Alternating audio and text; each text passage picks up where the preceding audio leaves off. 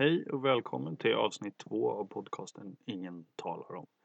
Jag heter Tommy, The Brain, och eh, det här avsnittet kommer handla om The James Webb Space Telescope. Och jag tror vi kör igång direkt. Ljus är verkligen otroligt snabbt. Det är så snabbt att på en sekund så färdas det sju och ett halvt varv runt ekvatorn på jorden. För oss på jorden är ljus i princip alltid ögonblickligt för alla betraktare. Tänd en lampa och så långt som den kan ses är upplevelsen att den tänds samtidigt för alla som kan se det. Men universum och avstånden i universum är större än vår planet. Ljuset tar 8,5 minut på sig att färdas från solen till oss här på jorden. Och från solen till Pluto tar ljuset fem och en halv timme på sig. Och då är vi fortfarande inom vårt eget solsystem. Det är ganska sinnesböjande och expanderande på samma gång. Om du skulle titta genom okularet på ett teleskop som kunde se Pluto skulle du alltså se ljus som var fem och en halv timme gammalt.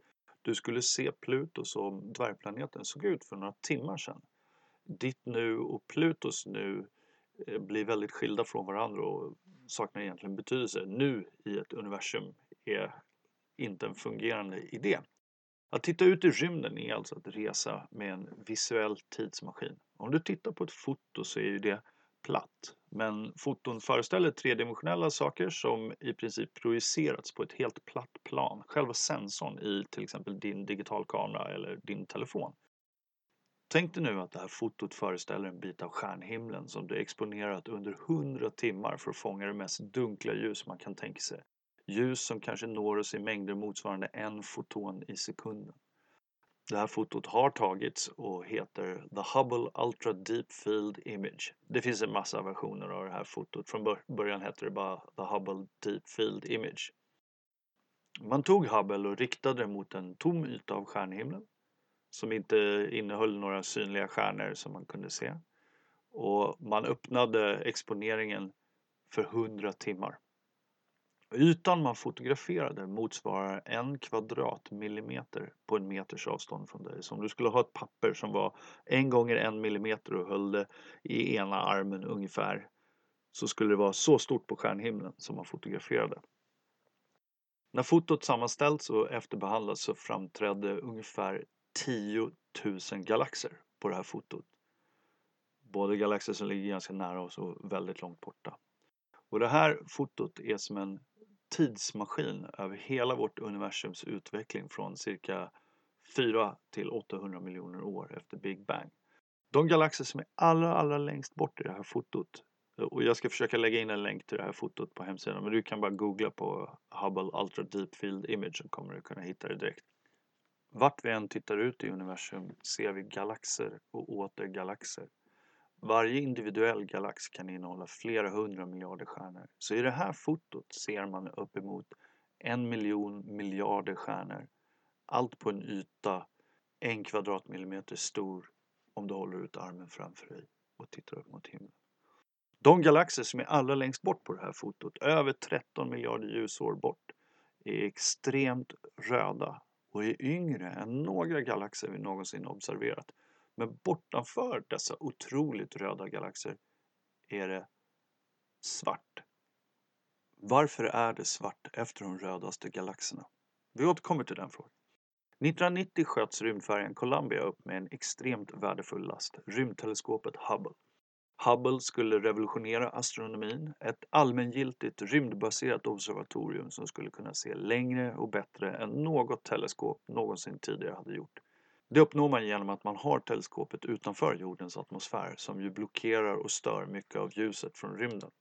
En anledning till att stjärnor ser ut att blinka när vi tittar på stjärnhimlen är just vår atmosfär. Utanför atmosfären slipper man självklart de problemen. Hubble kunde användas för det mesta och har tagit fantastiska bilder. Inte bara på avlägsna nebulosor som skapelsens pelare där vi kunnat observera stjärnor som bara är några miljoner år gamla utan även saker i vårt eget solsystem som stormar som sträcker sig över hela planeten Mars yta eller varför inte norrskenen på Saturnus. Men åter till galaxerna som var röda och platsen där det plötsligt blev svart för Hubble. Är det själva slutet på universum som vi ser som en svart vägg när vi inte längre kan se med Hubble? Nej, vi kan inte se bortom de här röda galaxerna på grund av universums expansion. Universums expansion och omfång upptäcktes i början av 1900-talet av en astronom som hette Edwin Hubble. Egentligen är dessa upptäckter mer komplicerade än att ett enda manligt geni kan tillskrivas i hela äran. Hubble använde upptäckter gjorda av Henrietta Swan Leavitt för att räkna ut avståndet till saker man trodde var moln av gas och stoft i utkanten av Vintergatan och kunde visa att de här molnen alltså var galaxer och att avståndet till dem var mer astronomiskt än astronomerna någonsin fantiserat om. Vid, vid tiden för de här upptäckterna så trodde man egentligen att det bara fanns en enda galax i hela universum, Vintergatan. Och man trodde att allt liksom var betydligt närmare än vad det visade sig sen att det var. Han visade också att alla galaxer var på väg bort från jorden och ju längre bort de var desto snabbare färdades de bort från oss. Samma principer och upptäckter hade i stort gjorts av eh, Jacques Lemaitre två år tidigare, en belgisk katolsk präst som var en av 1900-talets största tillsammans med Hubble och Einstein och en hel uppsjö av vetenskapsmän och kvinnor. Vesto Slifer, en annan amerikansk astronom, var också med på det här tåget. Han hade visat att ljuset från nebulosorna, som senare visade sig vara avlägsna galaxer, var rödskiftad, redshifted. Vad betyder det och hur går det till? Man kan använda så många liknelser för att förklara det här, men när man säger att galaxerna rör sig bort från oss så är det inte för att de direkt är ute och åker, utan för att själva rymden mellan våran galax och en fjärran galax blir större. Tänk dig till exempel ett bröd som ligger på jäsning och tänk dig två russin i brödet. Även fast du kanske inte gillar russin i bröd, det är okej. Okay. Tänk på valnötter eller något annat som inte är likt ett russin som kan finnas i bröd. De kommer röra sig bort från varandra när brödet jäser utan att själva åka iväg. Det är brödet som jäser. Russinen åker inte genom degen någonstans utan de åker med degen bort från varandra. Och om vi tänker oss att degen skulle innehålla fler russin och degen jäser så åker alla russin bort från alla andra russin samtidigt. En konsekvens av det här är att om russina är galaxer och brödet är universum så betyder det att ljuset som åker från russina, galaxerna, åker genom ett medium som sträcks ut, expanderar och blir längre. För varje meter som ljuset färdas ökar avståndet. Inte för att galaxerna åker från varandra som två personer som springer åt motsatt håll utan för att själva rymden mellan dem ökar i storlek. Det har som effekt att ljuset från dem också sträcks ut. Och för ett ljus så betyder det konkret våglängden. En snabb förklaring av det här grundläggande konceptet våglängd då. Om man betraktar ljus som en våg, tänk dig en våg på ett hav, så är våglängden avståndet mellan två toppar av vågen. Ljusvågen i det här fallet. Synligt ljus är mellan våglängderna 380 till 740 nanometer. Om våglängden sträcks ut ökar avståndet mellan topparna och det betyder att de där galaxerna som syns som röda prickar i fotot inte är röda. De skickade mest ut ultraviolett ljus när de föddes för mer än 13 miljarder år sedan. Det här ljuset har sedan färdats genom det expanderade universumet och sträckts ut så mycket att det har blivit rött. Och vi kan inte se längre bort och längre tillbaka i tiden med Hubble eftersom det äldsta ljuset rödskiftats hela vägen till infrarött ljus. Det är för övrigt tack vare Hubble-teleskopet som vi vet att universums expansion ökar, inte minskar i takt. Den här upptäckten gav Nobelpriset i fysik år 2011 till Saul Perlmutter, Brian Schmidt och Adam Rees. Så de mest avlägsna galaxerna har på grund av universums expansion rödskiftat så mycket att deras ljus nu inte längre är synligt. Det är infrarött. Och det är där James Webb Space Telescope kommer in. Många förkortar det JWST men jag kommer nog kalla det för James Webb-teleskopet kort och gott. Eller någonting sånt. Om du hade 10 miljarder dollar, vad skulle du använda dem till? Okej, okay. det är en meningslös fråga. Du kommer aldrig ha 10 miljarder dollar eftersom du slösar bort ditt liv på att lyssna på den bästa podcasten som någonsin gjorts. Ganska kort efter att man skickat upp Hubble-teleskopet började NASA skissa på ett multianvändningsteleskop som skulle kunna se infrarött ljus. Från början var James Webb-teleskopet budgeterat till 500 miljoner dollar men idag är budgeten uppe i strax under 10 miljarder dollar. Teleskopet skulle skjutas upp redan 2007 men har försenats med 14 år. Nuvarande tidsplan ger att teleskopet ska skjutas upp våren 2021, mer än 40 år efter att de första skisserna på teleskopet gjordes. Men varför tar det så otroligt lång tid? Du kanske inte minns det här, Men när Hubble sköts upp så var det ett totalt fiasko. Folk skämtade om det här teleskopet på TV, NASAs ledning blev ifrågasatt och folk betecknade alltihop som ett gigantiskt slöseri med pengar. Anledningen var såklart att de första bilderna som skickades från Hubble till jorden var suddiga. Jämfört med James Webb-teleskopet var Hubble ett litet hobbyprojekt men det var fortfarande en enorm prestigeförlust för NASA att ett konstruktionsfel smugit sig med hela vägen upp i rymden. En lösning fanns dock. Man tog en tur med rymdfärjan och reparerade Hubble. Efter det kunde teleskopet ta skarpa bilder igen och sedan dess har Hubble i mer än 25 år givit oss fantastiska bilder och fantastisk vetenskap. Eh, minst ett Nobelpris som jag nämnde tidigare. Men vad har det här då med eh, förseningarna på James Webb-teleskopet att göra? Den stora skillnaden är just den typ av ljus man vill fånga med spegeln på teleskopet.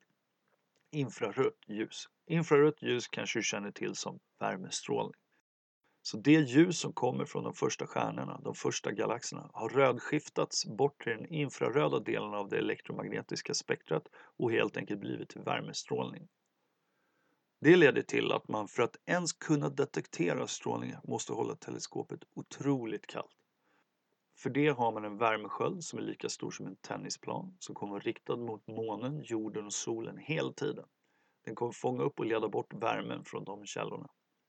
Men för att då ha de himlakropparna på värmesköldens sida hela tiden så att inte teleskopet behöver byta riktning och orientering ute i rymden, vilket skulle kräva bränsle och försvåra hela projektet, så måste teleskopet befinna sig på en väldigt speciell plats.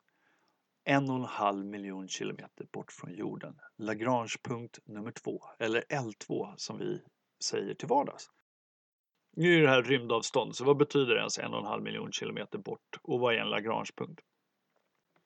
En Lagrangepunkt är helt enkelt en plats i närheten av en eh, himlakropp i omloppsbana runt till exempel solen där gravitationen mellan de olika himlakropparna så att säga tar ut varandra och om man placerar eh, ett föremål där, till exempel ett rymdteleskop, så kommer det ligga kvar där. James Webb-teleskopet kommer alltså vara faktiskt i omloppsbana runt L2 Lagrange-punkten, Jag tror det finns fem per himlakropp i princip. Så James Webb kommer ha solen och månen på insidan av sig självt. Och därför kommer värmeskölden alltid kunna vara riktad åt samma håll och James Webb-teleskopet kommer titta åt motsatt håll ut mot universum för att ta sina bilder. Och jordens L2-punkt, Lagrangepunkt nummer två, ligger en och en halv miljon kilometer bort. För att få en uppfattning om skalan här så kan det vara värt att veta att månen är 384 000 kilometer bort. Det här 10 miljarders teleskopet, 10 miljarder dollar, ska alltså åka fyra gånger så långt bort ungefär. Om man vecklar ut värmeskölden där och den rivs i bitar så är uppdraget slut. Om spegeln inte går att fälla ut, ni förstår. Enligt en källa som jag hittade så har teleskopet 301 single points of failure. 301 olika saker som kan gå sönder och leda till att instrumentet blir helt obrukbart. Och på det avståndet kan vi inte skicka ut en trupp med folk för att reparera eller byta ut delar. Det teamet som kommer hantera James Webb-teleskopet under de första sex månaderna då alla delar ska fällas ut och teleskopet ska kylas ner och tas i drift helt enkelt har bara en enda chans att lyckas. Och det måste lyckas också. Det får inte gå fel. Eh, en artikel i en tidning kallade det för teleskopet som åt upp amerikansk astronomi. Det har tagit en ganska stor del av budgeten för astronomi under de senaste 20 åren. Och om det går åt helvete så kanske den amerikanska staten och andra rymdorganisationer inte är så villiga att lägga till miljarder för att skicka upp saker som exploderar i omloppsbanan. För att konstruera det här teleskopet har man varit tvungen att uppfinna helt nya teknologier. Och projektet har tagit så lång tid att genomföra att en av de nya teknologier som man har uppfunnit har använts vid det sista serviceuppdraget till Hubble. Vilket är ganska fascinerande, det säger något om det här projektets livstid. Jag nämnde ju tidigare värmeskölden som alltså är en origamivikt femlagers duk av avancerade material som har mellanrum mellan sig så att varje duk ska leda bort värmen som kommer in mellan. Sen har vi speglarna också. Ett teleskops möjlighet att fånga upp ljus från fjärran föremål i rymden hänger mycket på storleken på öppningen. På ett klassiskt rörteleskop så är det storleken på rörets mynning som motsvarar den här öppningen. James Webb är dock ett öppet teleskop som ska detektera infraröd strålning. Spegeln i det här fallet består av 18 stycken sexkantiga guldtäckta berylliumplattor. Beryllium är dyrt, sällsynt, lätt och giftigt och användes för att det har så bra värmeegenskaper. Variationen i storlek på en av plattorna i spegeln motsvarar en tiotusendel av ett mänskligt hårstrå beroende på temperaturen teleskopet befinner sig i. Kom ihåg, det här teleskopet ska alltså monteras på jorden i rumstemperatur men ska användas vid en temperatur på motsvarande 50 Kelvin, alltså minus 223 grader Celsius. Om materialen i teleskopet ändrade storlek mycket ner till den temperaturen eller på ett oförutsägbart eller okontrollerat sätt så skulle instrumentet bli obrukbart. Sen är de här berylliumplattorna i spegeln täckta med ett lager guld som inte är mer än 1000 atomer tjockt. Till hela spegeln, 6,5 meter i diameter, har man använt en mängd guld som motsvarar en golfboll i storlek. Även den här spegeln är ihopfälld under uppskjutningen och måste fällas ut under resan mot L2. Och anledningen till att allting är ihopfällt är för att det här, det här är ett stort instrument. Det är det största som vi någonsin har försökt skjuta upp i, i rymden. Eh, så alla sakerna måste vara ihopfällda för att, få faktiskt, för att faktiskt få plats i eh, raketen som ska användas vid eh, uppskjutningen. Och det är just det här som försenar och fördröjer teleskopet. Själva instrumentet är ett av de mest känsliga som någonsin byggt samtidigt som det är otroligt stort och måste skjutas upp ihopvikt. I rymden ska det alltså färdas fyra gånger längre bort än månen och fällas upp utan problem och där problem kan uppstå på mer än 300 olika ställen som förstör allting och sen ska det användas under 10 år framåt och efter det är det helt slut. Ja, du hörde rätt. Vi, amerikanska staten och andra rymdorganisationer har alltså spenderat 10 miljarder dollar på någonting som kommer vara i drift i 10 år. Sen tar förrådet av helium som används för kylning av instrumenten slut och det blir en liten bit rymdskrot av alltihopa. Ingenting får skaka loss under uppskjutningen. Ingen skruv får vara för hårt åtdragen eller för löst. Vid ett tillfälle så gjorde man en testutfällning av värmeskölden och ett antal lösa skruvar som man av eh, säkerhetsskäl inte hade dragit åt ordentligt lossnade och ramlade ner inuti teleskopet.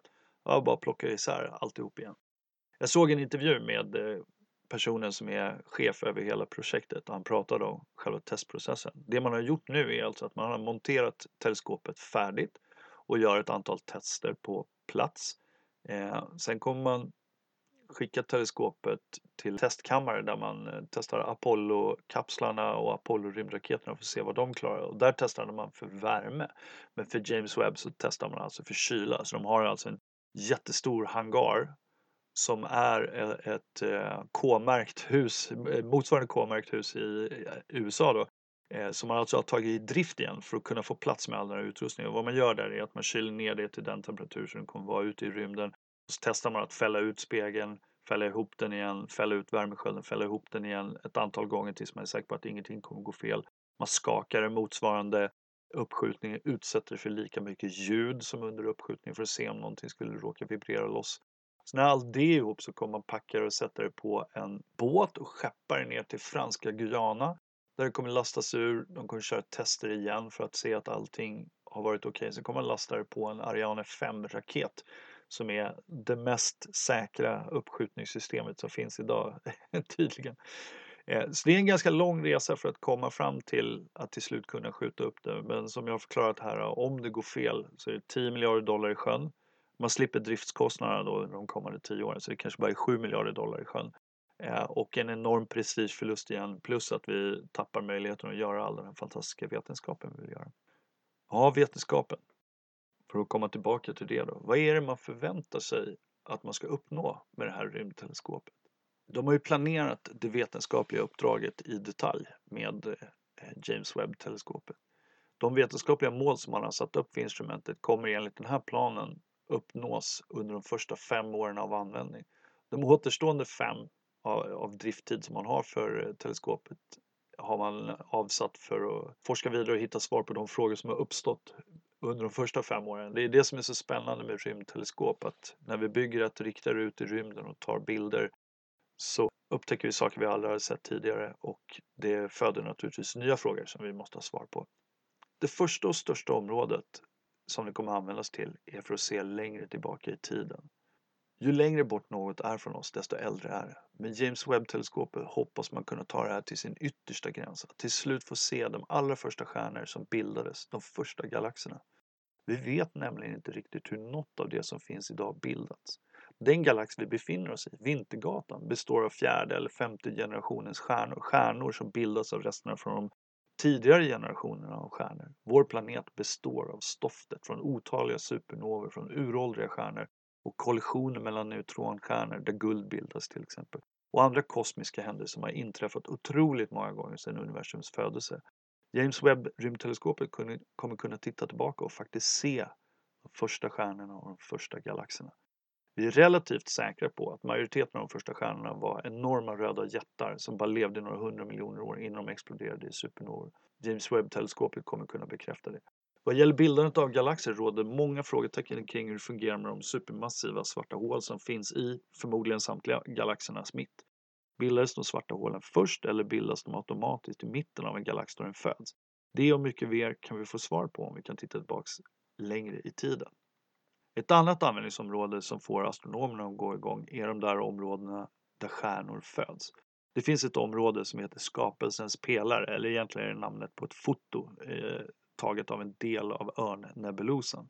Det fotot eh, togs av Hubble-teleskopet redan 1995 och sen har man tagit nya versioner av det vartefter man har förbättrat Hubble-teleskopet och med andra teleskop som till exempel det infraröda Spitzer-teleskopet.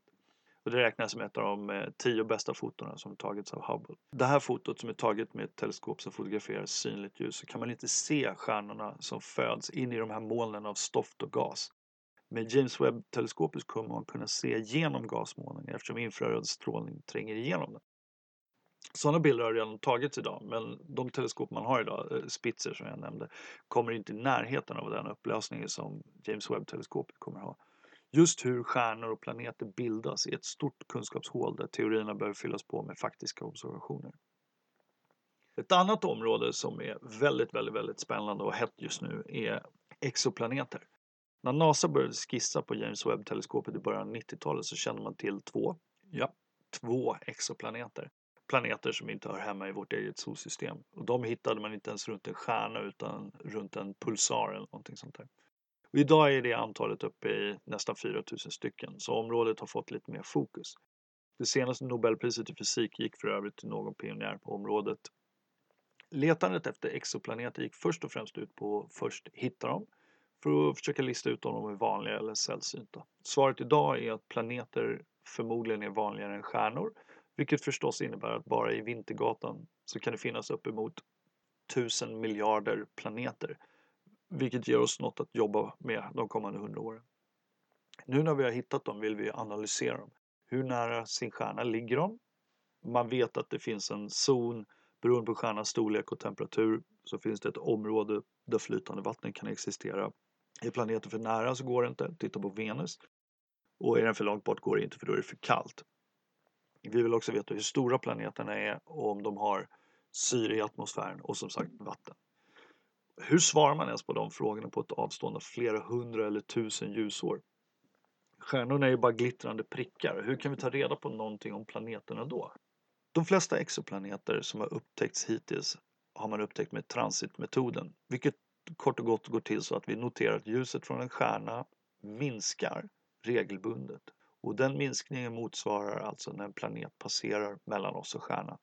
När planeten passerar mellan oss och sin stjärna så kommer en del av ljuset som vi tar emot ha passerat genom planetens eventuella atmosfär.